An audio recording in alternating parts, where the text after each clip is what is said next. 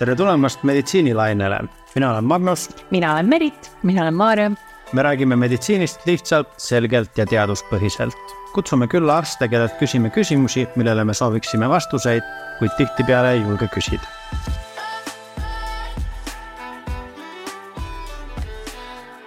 täna on meil eetris äh, jõuludele kohane meditsiinilaine saade, mis keskendub kõrvetistele ja reflukshaigustele rõõm on tervitada stuudios gastroenteroloogi Kadri Remmelit, tere Kadri! tere! tere! aitäh kutsumast! kõikide keedukartulite, ähm, hapukapsaste ja verivorstide vahele tahaks küsida sellise küsimuse, et mis need kõrvetised üldse on, et ma tunnen, et midagi siin kõhus toimub, aga millal see on kõrvetis ja millal see on midagi muud? kõrvetis on äh, tegelikult selline nagu tunne, mis äh, siis, see ongi selline nagu põletav tunne mis kas siis hakkabki selliselt äh, ülakõhust pihta peale sööki ja, ja ta liigub siis äh, pikki seda söögitoru kulgu ülespoole. et äh, siit mööda sellist rinnaku tagant võib teda tunda ja, ja vahel võib ka täiesti suud siis tekkida ka selline hapum mõrudamm maitse selle nii-öelda selle kõrvetisest siis. kas kõrvetis on siis sama, mis refluks? Refluks, äh, refluks tähendab, äh, ma arvan, otsetõlkes sellist nagu tagasivoolamist, et me saamegi rääkida, et see, et see kõrvetise tunne tekib sellest, et, et see happeline mao sisu voolab siis tagasi söögitorru ja, ja annab selle valuaistingu siis seal. et see valuaisting ise on see, see kõrvetis, aga see refluks ongi pigem selle vedeliku või selle mao sisu tagasivoolamine. aga kas mul võib siis need mõlemad korraga ka olla või? Just, et, et see ongi nagu käivadki koos, et, et kõrvetised tekivad ju sellest, et kõigepealt tekib see tagasivoolamine, see happelise maosisu tagasivoolamine ja see annab sulle seda põletavat, põletavat tunnet siis.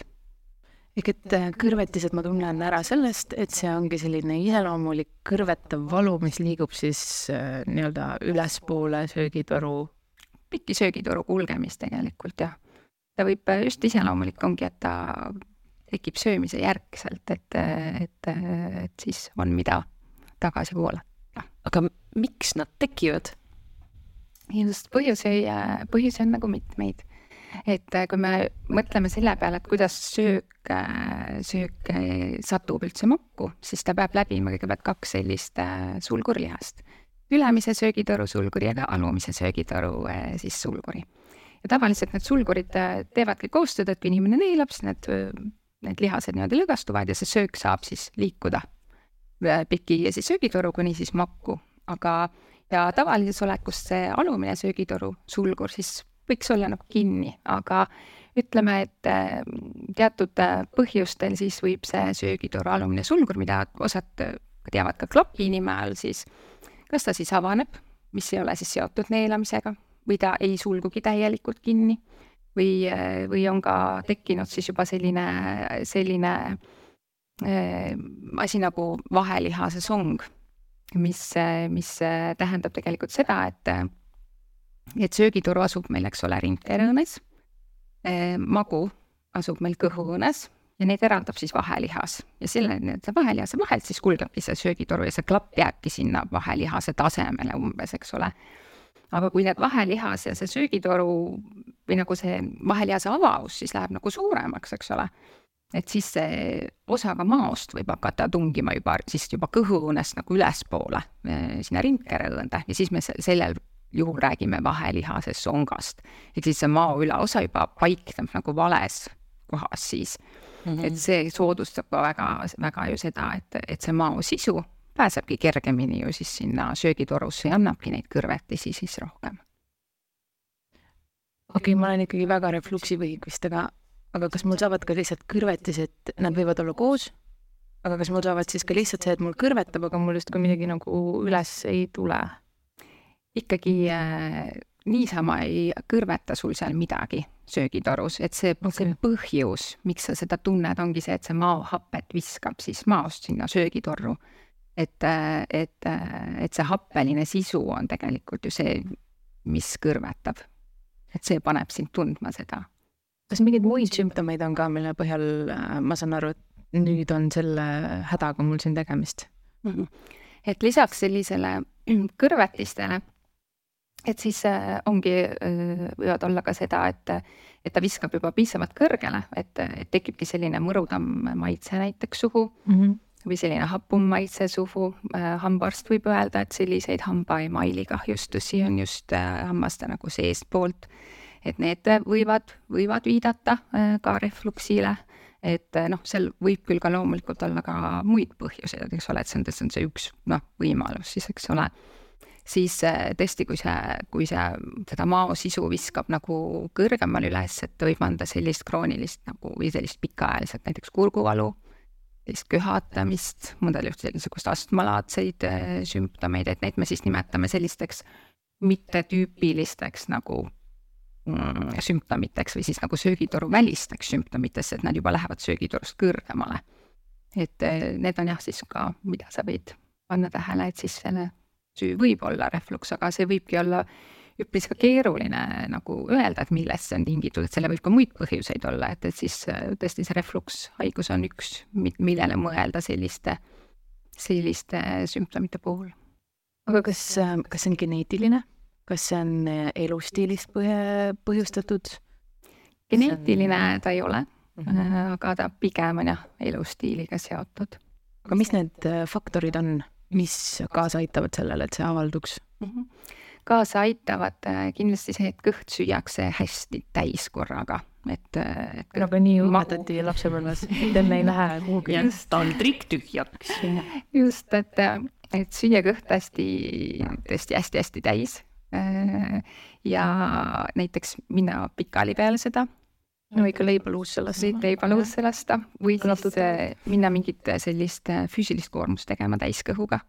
Et see, see on ju kõlab nagu Tõde ja õigus kõik, ma ütleks, täis, siis natuke pikutad, siis lähed põllule. just, just, või siis tõesti näiteks kummardad täiskõhuga või siis paned hästi kitsad riided selga näiteks, et, et sa oled kõhu täis ja siis et see aitab nagu, aitab sellele refluksi tekkele kindlasti ka, ka kaasa. Ehk et see praktika, et see on hommikul kõhu täis, siis päev otsa ei söö, siis tulen õhtul koju ja luban endale siis kõikide ärajäänud toidukordade eest süüa ja siis viskan diivani peale. äkisema. ei ole nagu hea mõte ei ole jah hea mõte, et, et lisaks sellele on veel ka sellised ähm, osad ravimid on need, mis võivad nagu soodustada siis ka refluksi teket, näiteks et et äh, osad valuvaigistid näiteks, äh, sellised kodeiinilaadsed äh, mm., kõik need sellised ravimid, mis põhimõtteliselt aitavad kaasa sellele, et see söögitoru alumine sulgur siis nagu lõdvestub mm, -hmm. on ju, kõik sellised rahustid, noh, kõik võib-olla kõik on teada see nagu sanaks, on ju, mis on võib-olla tuttavam, on ju. et äh, samad osad ka sellised vererõhuravimid, mis on nagu need kaltsiumikanali blokaatorid, mis on näiteks noh, amlodipin, verapamiil ka sellised ravimid osad võivad ka soodustada sellist, et see refluks tekib ja üks hästi suur soodustav faktor on kindlasti ülekaal. et, et just selline kõhu poolt selline nagu rasvumine, et see soodustab siis sellist nagu survet, eks ole, kõhule mm. -hmm. inimene sööb kõhu täis, tal on juba niikuinii hästi ei mahu see magu, on ju. ja siis tekibki selline surve rohkem üles, et, et ta viskabki, viskabki siis seda mao sisu sinna, sinna kõrgemale, on ju kas siis rasedus ju samamoodi, äh, meie kõht äh, lükatakse veel rohkem kokku, kas siis rasedus on ka selline aeg, millal kõrvetised, kõrvetised tekivad? just, et tõesti kuskil kahel kolmandikul isegi rasedatest mingil hetkel kõrvetised võivad esineda. Et sagedamini esineb neid siis nendel rasedel, kellel ka enne rasedust on esinenud juba kõrvetisi, aga, aga võib ka täiesti olla nii, et et selle raseduse ajal alles on siis esmakordselt need väljenduvad, et siin ongi isegi mitu nagu faktorit raseduse ajal, et, et üks ongi need rasedusaegsed hormoonid, mis lõõgastavad mm. rohkem siis seda söögitoru alumist äh, sulgurit ja, ja, ja tõesti, siis on see suur kõht aga kas sa mainisid enne ravimite tarvitamist ka äh, ja samamoodi see rasedus, et kas see on siis niimoodi, et kui ma need ravimid äh, lõpetan nende tarvitamise, siis kui aeg käes ja ja näiteks pärast rasedust, kas siis, kas see kaob mul ära või see ongi nüüd niimoodi, et kord mul oli ja nüüd mul jääbki elu lõpuni, elu lõpuni see kõrvetis käima? noh, kui me räägime nüüd rasedast, rasedatest, et, et siis küll äh, rasedusjärgselt enamasti need sümptomid võivad ära kaduda, aga see ei tähenda see, et nad ei tule enam kunagi tagasi, loomulikult nad võivad nagu tulla, aga see kindlasti nagu leevenevad, need, need kõrvetised aga näiteks äh, ravimite tarvitamisest tekkinud, kas see on siis just, see võivad ka, aga okay. samas noh, need ravimid ei peavadki olla ainult see üks mõjutav faktor, et me Mhm. peame vaatama nagu, et mis on need veel need mõjutavad faktorid, mis, mis seda, mis seda siis neid, seda refluksi siis eda, nagu esile võivad siis kutsuda. aga millised need toiduained on, mida kõrvetiste korral ei oleks mõistlik tarvitada, no ma esimese asjana oskan mõelda mingite kihisevate jookide peale. või midagi väga vürtsikat, on ju. see on hea kombo muidugi. see on väga õige, jah, et äh, need on kindlasti need sellised äh, trigger'id siis, eks ole, et mis nagu soodustavad selle, selle tekkimist ja, ja kindlasti siia alla ähm, noh, käivadki sellised ka hapukad asjad, noh, sellised tsitruselised on ju, apelsin ja kreip ja ja sellised toidud ja ka kindlasti sellised rasvased toidud, sest äh, rasvased toidud on äh, need, mis soodustavad just selle klapi nagu lõdvendumist siis Mhm. et just selliseid rasvaseid toite siis pigem, pigem vältida alkohol, šokolaad, piparmint, et piparmünt. just, et piparmint on ka selline, mis aitab lõdvestada seda alumist äh, appi siis nii-öelda. see on mul nagu piparmündi peenar, me igas saates kuuleme, et mingi piparmünt, kuna sa oled siis äh, väl-, väldi piparmünti, kõrvetada väldi piparmünt, ma pean vist välja kaevama selle. ühesõnaga, kui täna on plaanis äh, siis seapraadi, siis natuke apelsini ja võib-olla paar klaasi Prosecco't, siis võib-olla mitte kõiki neid korraga kõhtu panna, jah? jah, Ehm, okei okay, on nähtud telekas kõiki neid Espumisaani reklaame, kas see ongi siis see koht, kus neid peaks võtma või millised käsimüügiravimid võiksid mind siis aidata, et ei oleks nii kõrvetav see valu? ütleme nii, et esmumisaan siin ei pruugi aidata, kui noh, probleemiks on tõesti see, et, et rõ- et rõhatised, jood gaseeritud jooke on ju, tekib hiljem roh- rohkem rõhatisi, mis on vaja kõik välja lasta, siis sellega tõesti võib ka, ka see refluks kaasneda, on ju. aga aga võib-olla üldse enne ravimeid peakski üldse tegema, vaatama kriitiliselt tõesti üle, et mis on see, mis see põhjustab seda nagu refluksi, et enne kui minna nagu ravimit, ravimeid kohe, eks ole, tarvitama, et, et püüa, püüda nagu need põhjused siis vähendada ikkagi, et see menüü vaadata kriitiliselt üle, oma söömisharjumused vaadata, vaadata kriitiliselt üle, tõesti näidatud, et kaalu langetamine hästi efektiivne, suitsetamise lõpetamine samamoodi väga hästi mõjub, mõjub kõrvetiste nagu leeveneksid.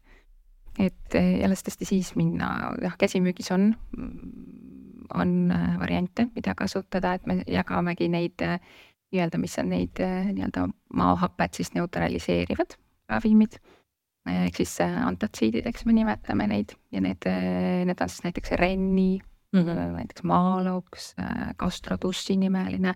Nende eesmärk ongi see, et nemad ei mõjuta seda maohappesust, aga nemad tekitavad söögitoru peale sellise nagu kaitsekihi, et, et isegi kui see refluks nagu toimib, on ju, et siis, et, et siis ei teki sellist limaskeste kahjustust sinna. ta nagu puuderdab siis ära selle? jah, et aga seda jälle toime on siis, kui seda võtta. Et ongi siis, et peale sööki, peale põhitoidukordi siis võtta seda ja siis ka näiteks enne magama minekut. et need on, millal seda, millal nagu neid siis võetakse ja teine grupp ravimid on siis need prootonpumba inhibiitorid ehk siis need PPI-d, mida me nimetame.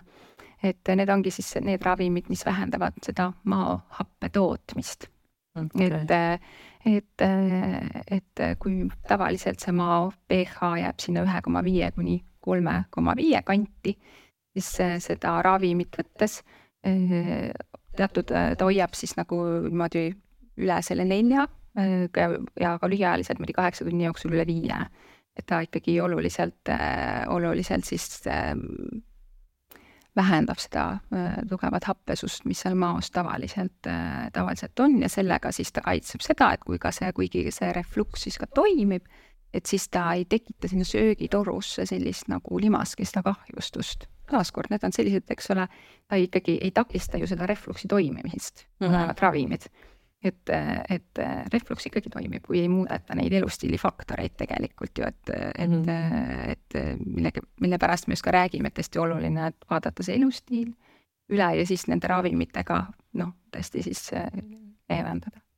Kas sellel proton PPP, ravil on ka mingisugune ajaline piirang, et ma ei tea, pikemalt kui kaks kuud ma ei tohiks seda võtta või kui pikalt seda üldse tarvitama peaks? selle ravimi tarvitamine sõltubki tegelikult sellest, selle ravi näidustustest, et, et miks seda üldse hakatakse võtma.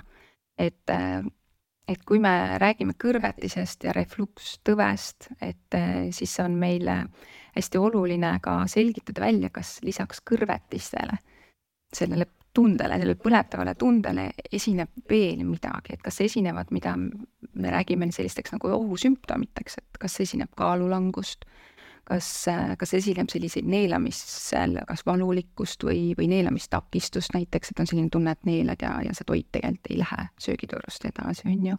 või kas hemoglobiin on langenud, et kas esineb aneemia, on ju, et need on kõik sellised, sellised äh, ohusümptomid.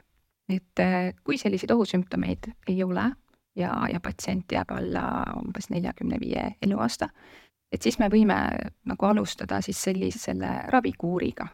Et teha sellise prooviravi tõesti kaks või neli nädalat, vaadata, kuidas patsient nagu reageerib, on ju. aga kui need ohusümptomid on olemas, et siis tegelikult on vaja patsient suunata ka juba gastroskoopiale. et siis see on sihuke kõlab valusalt. kõlab valusalt, just gastroskoopia on siis see seedetrakti ülaosa uuring, kus sellise optilise instrumendiga siis äh, põhimõtteliselt selline nagu elastsem äh, toru mm, -hmm. vaadatakse siis kaamera kontrolli all, äh, siis söögitoru. ehk siis, ehk siis termiksool. see läheb mul suust sisse, maoni välja ta läheb veel maost ka natuke edasi sinna kaksteist sõrmeksooleni ehk siis bensoole algusosani, just hmm.. ma, ma korra astun sammu tagasi, no ma ikkagi olen siin jõululauas, tunnen, et, et kõrvetab. Ma mõtlen, et mis hetk see on, kui ma arsti juurde pean minema, et ma võib-olla kõigepealt proovikski neid rennisid ja maolukse ja neid muid äh, ravimeid, mida sa nimetasid. et mis hetk on see, kus, kus ma nüüd tunnen, et nüüd on see, kus see käsimüügiravim enam ei piisa, et nüüd oleks vaja minna seda gastroskoopiat tegema. et äh, noh erinevad allikad väidavad natuke erinevaid aegu, et äh, tõesti selline kaks kuni neli nädalat võib olla selline prooviravi aeg. Aga, aga ikkagi, kui on, kui äh, patsiendil on esimest korda elus, tuleb täiesti uus kaebus. minu meelest oleks üpris loogiline, et sa ka arutad seda oma perearstiga tegelikult mm. -hmm. see perearst on ju see, kes aitabki eristada seda, et äh, kumbas grupis sa, eks ole, oled, et kas sa oled see grupp, kes võiks proovida seda ravimit kõigepealt või sa oled pigem selles grupis, et kes vajaks ka nagu uurimist juba rohkem. et, et just. Siin on, oli ka selline küsimus, et kui mul on sagedasti esinevad kõrvetised, kas siis perearst määrab ka mingisuguse H-püülori analüüsi, mis asi see veel on mm? -hmm. H-püüler on siis Helicobacter püülari, et see on siis üks bakter, mis kui ei inimene on sellega nakatunud, see nakatumine enamasti toimub lapsepõlves, eks ole, elutekme ja et siis see elab seal ma-, maalimaskestas siis, eks mm -hmm. ole, ja ta põhjustab seal sellist kroonilist nagu maa, nagu limaskeste põletikku, me nimetame seda krooniliseks gastriidiks. ja, ja kui ta seal vaikselt niimoodi edasi elab, siis ta noh, maalimaskest natuke õheneb, võib edasi areneda selliseks mm, siis atroofiliseks gastriidiks juba ja, ja sealt edasi võivad tekkida juba ka sellised esmased rakulised muutused, et see helikobakter on ju tegelikult äh, nagu prekantseraas, et sellest võib potentsiaalselt tekkida maavähk mm., siis et, et, et kui patsient vajab äh, pikaajalist maakaitserohtu, noh, et siis äh, on äh, hea helikobakteri analüüs ka teha enne seda maakaitserohu määramist mm, -hmm. et siis ka ära ravida, sest on näidatud, et kui muidu see, võib-olla see helikobakter elab rohkem seal maa alamusas, maa antrumis, siis pikaajalise sellise protonpumba inhibitori ravi ajal võib tekkida selline, me nimetame siis pangastriidiks, et ta kolib ka maa muudesse osadesse ja kui juba gastriit seal areneb, on ju, siis siis ei ole enam nii hea. risk, et, et mingi hetk võivad ka sellised rakulised muutused toimida, toimida on olemas. helikobakter puhul on, on küll näidatud seda, et kui see helikobakter, eks ole, tekitab gastriiti, siis ta natuke häirib ka seda mao, maohappe nagu tootmist. et tegelikult, kui see noh, meie eesmärk on vältida, et see helikobakteri infektsioon siis seal maos ei areneks maovähiks. samas, kui me tap-, selle bakteri seal antibiootikumidega ära tapame, siis tegelikult eh, see maolimaskest, eks ole, paraneb ja ta võib isegi hakata rohkem hapet tootma, et alguses võib isegi tunduda, et nii ravib see mellikubakter ära, aga see kõrvetised halb nagu, nagu natuke läheb halvemaks mm. -hmm. aga, aga noh, siin ongi see kasukahju, kasukahju, jah, see suhe.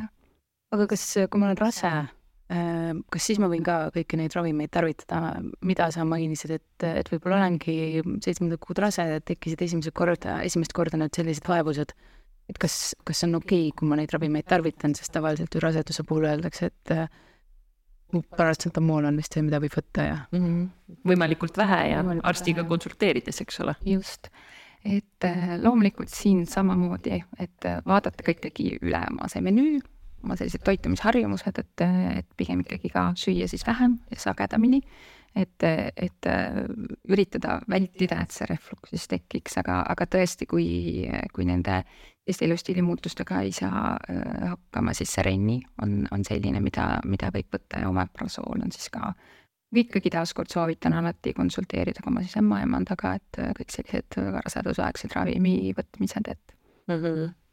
aga kas ma saan siis õigesti aru, et äh, elustiililised muutused, mis on selline väga, ütleme, pikk, pikaajaline muutus Äh, see võiks justkui selle reflukshaiguse nii-öelda välja ravida ja, ja needsamad ravimid on selline, mis seda refluksi ära ei võta, aga ta leevendab seda, et see nii-öelda ei tee mulle nii kõrvetavalt valu. Üks asi on jah, et võtta ära see valu, aga teine asi on see, et, et, et, et ei tekiks seda kahjustust, kahjustust mm -hmm. limaskeste kahjustust sinna, sinna söögi, söögitorusse, sest et kui me tõesti selle gastroskoopia üks hetk teeme, et siis äh, me võime ka näha siis seal tõesti seal söögitoru alaosas selliseid erosioone, mis on selline limaskeste nagu kahjustuse, kahjustus ja, ja, ja kui ta tõesti kestab juba pikemat aega, see refluks, et, et, et siis on koht, et tekivad juba samamoodi sellised rakulised muutused sinna söögitoru alaosas, et me nimetame seda selliseks barettsöögitoruks, et, et see on samamoodi selline kui patsient saab paritsöögitoru diagnoosi, et siis ta tegelikult jääb, jääb jälgimisele, et, et sõltuvalt siis, et kui, kui pikal alal see kahjustus on. et, et siis me kas siis jälgime, kas siis niimoodi aasta kolme või viie tagant ja, ja võtame proovitükke, et vaatame, et, et ei oleks tekkinud selliseid vähieellasrakke sinna. et tõesti, need on need patsiendid, see paretsöögitoru, kellel on diagnoositud või siis kellel on tõesti ulatuslik selline limaskesta põletik seal söögitorust näha, et tõesti need on need patsiendid, kes võib-olla vajavad seda PPI-d siis äh, nagu püsivalt säilitusravini, ravimina mm, -hmm. Et ei, et see kahjustus ei süveneks mm. -hmm. just. aga kellel sellist rasket leidu seal gastroskoopial ei ole, et, et siis tõesti see ravikuur on võib-olla kaheksa nädalat, kaksteist nädalat et ikkagi eesmärk on, et seda maakaitserohtu ei peaks võtma püsivalt, kui ei ole tõesti neid näidustusi, mida ma nagu nimetasin, eks mm -hmm. ole.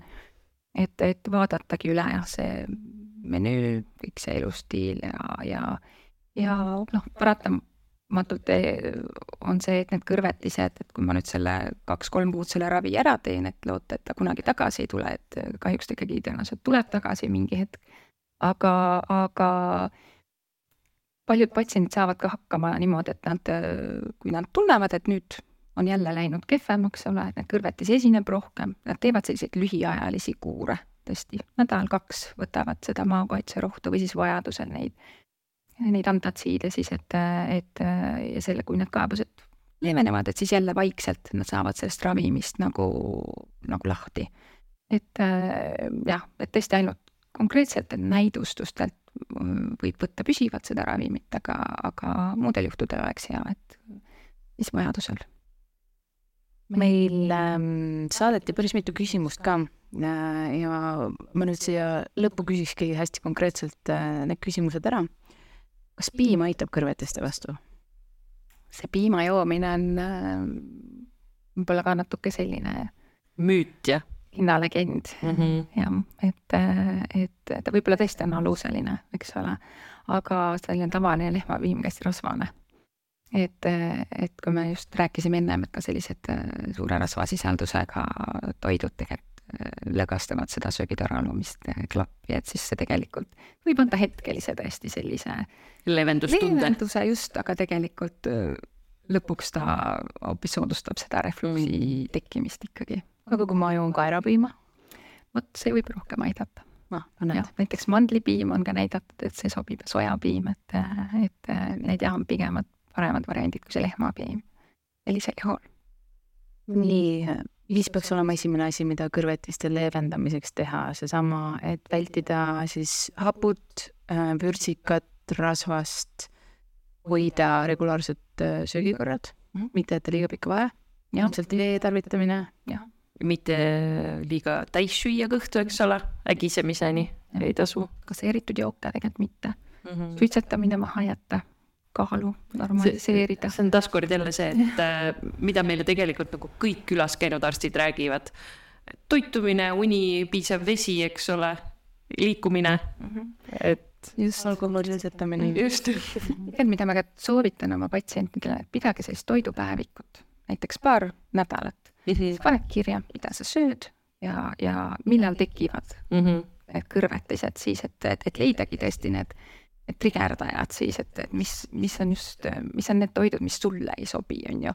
me võime loomulikult anna, anda ju pika nimekirja, et noh, need on nüüd need toidud, mis mm., mis võivad põhjustada seda, seda refluksi teket või neid kõrvetisi, aga, aga ikkagi leida see, mis, mis just sinul seda põhjustab, et et noh, ei taha neid äärmuseid, kus patsient tuleb, et teate, et ma söön kaks viimast kuud olen ainult tatart või kaerahelbeid söönud, et kõik muud ei sobi, et, et see on tegelikult nagu äärmused.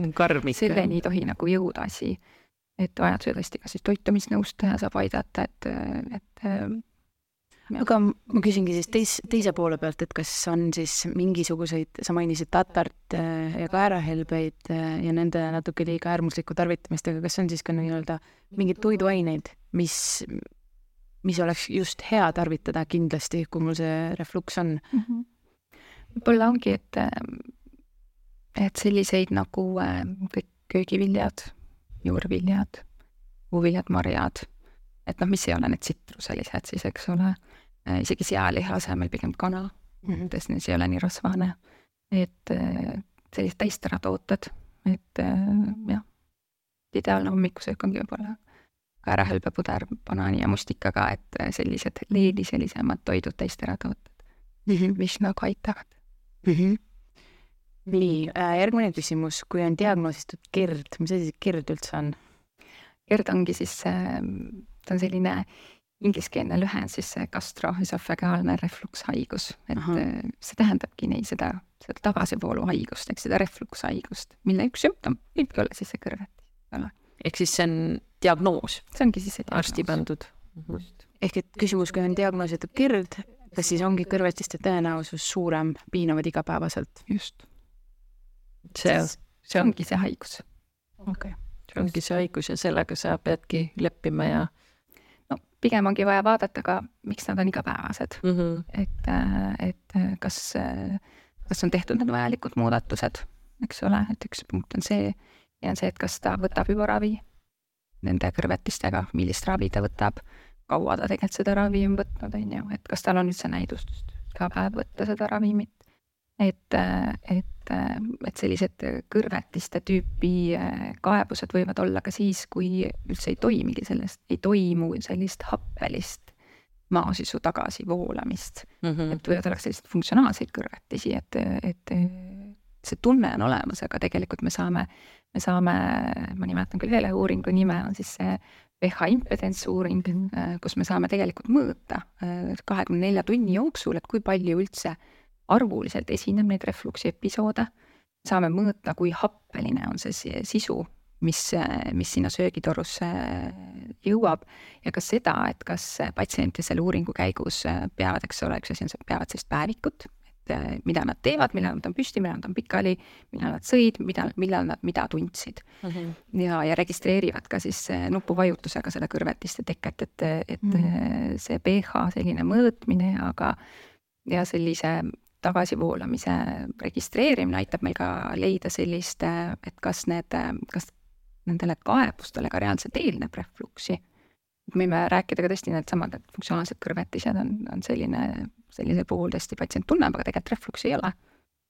et, et siis üldse ongi küsimus, et mis ravimit me siis mm, -hmm. sest ta ei vaja ju epeid, on ju. et siis võib-olla üldse antidepressantidest abi talle rohkem aga kuidas äh, sa kommenteerid seda, et kas need kõrvetised ja need vaevused, millest me täna nüüd rääkinud oleme, on need äh, eestlaste seas levinud? on levinud ja et see on tõesti üks sage põhjus, millega pöördutakse nii perearsti juurde kui ka siis gastroenteroloogi juurde. et ütleme, et enamikul inimestest mingi hetk elus nad on tundnud mm -hmm. seda kõrvetist, aga, aga reflukshaigusest me räägime ikkagi siis, kui need juba on sellised sagedased ja, ja nad põhjustavad ka sellist elukvaliteedi nagu langust, et me peame nagu midagi tegema nendega, et kui võib-olla kaks korda aastas ühe korra kõrvetab, noh, see ei tähenda, et sa pead mm -hmm. tegema kohe kahekuulise kuuri näiteks, on ju. Lihtsalt ära söö kõhtu nii täis jõululauas, võib-olla on see üks kord. teine variant ongi tõesti, et inimesed käivad puhkusel ja siis süüa, menüü muutub, söömisharjumused muutuvad, rohkem juuakse, kas siis äh, tarbitakse alkoholi ja tulevad puhkuselt tagasi, kohe on hästi sage tegelikult, me näeme, et on kõrvetised nagu halvenevad.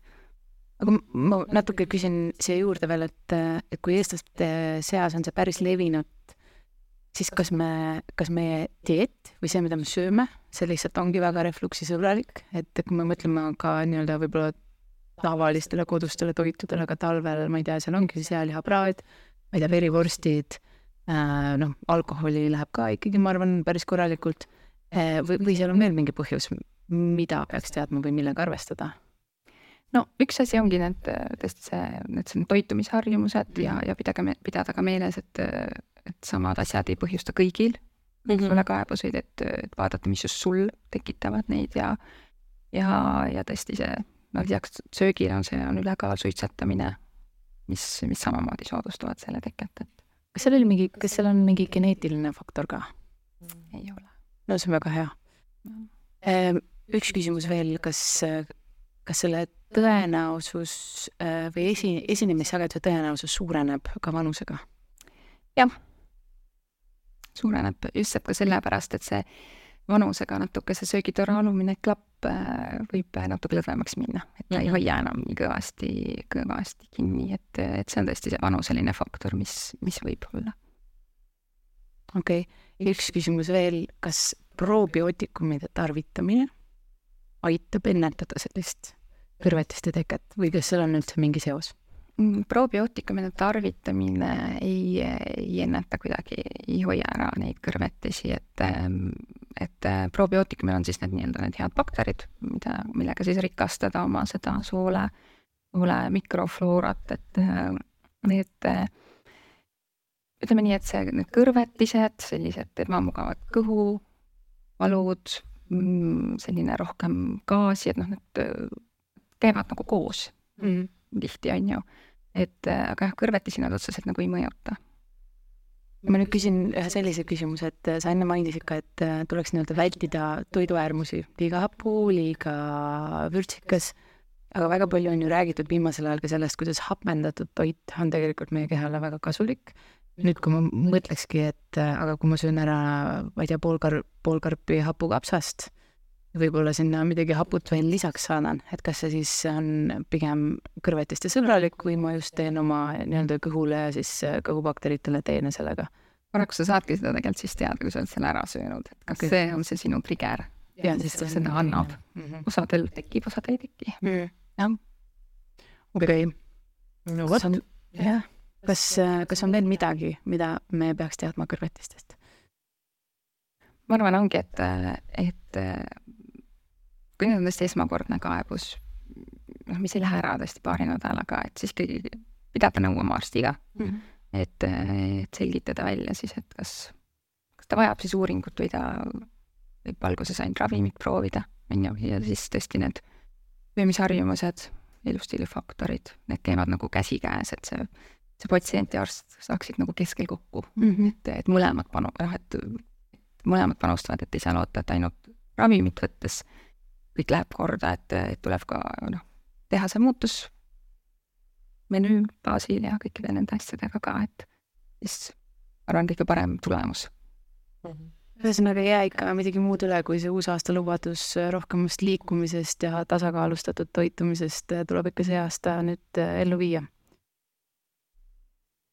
aga Kadri, suur aitäh äh, meiega rääkimast ja, ja loodame, et siis kõik inimesed jõuavad, kellel on vaja, jõuavad sinuni ja, ja teised saavad siis abi kas käsimüügist või siis oma, oma arsti juurest. aitäh, aitäh sulle! aitäh, et oled meiega meditsiinilainel. leiad meid ka Instagramist ning postkasti ootame küsimusi ja tagasisidet. kohtumiseni järgmisel lainel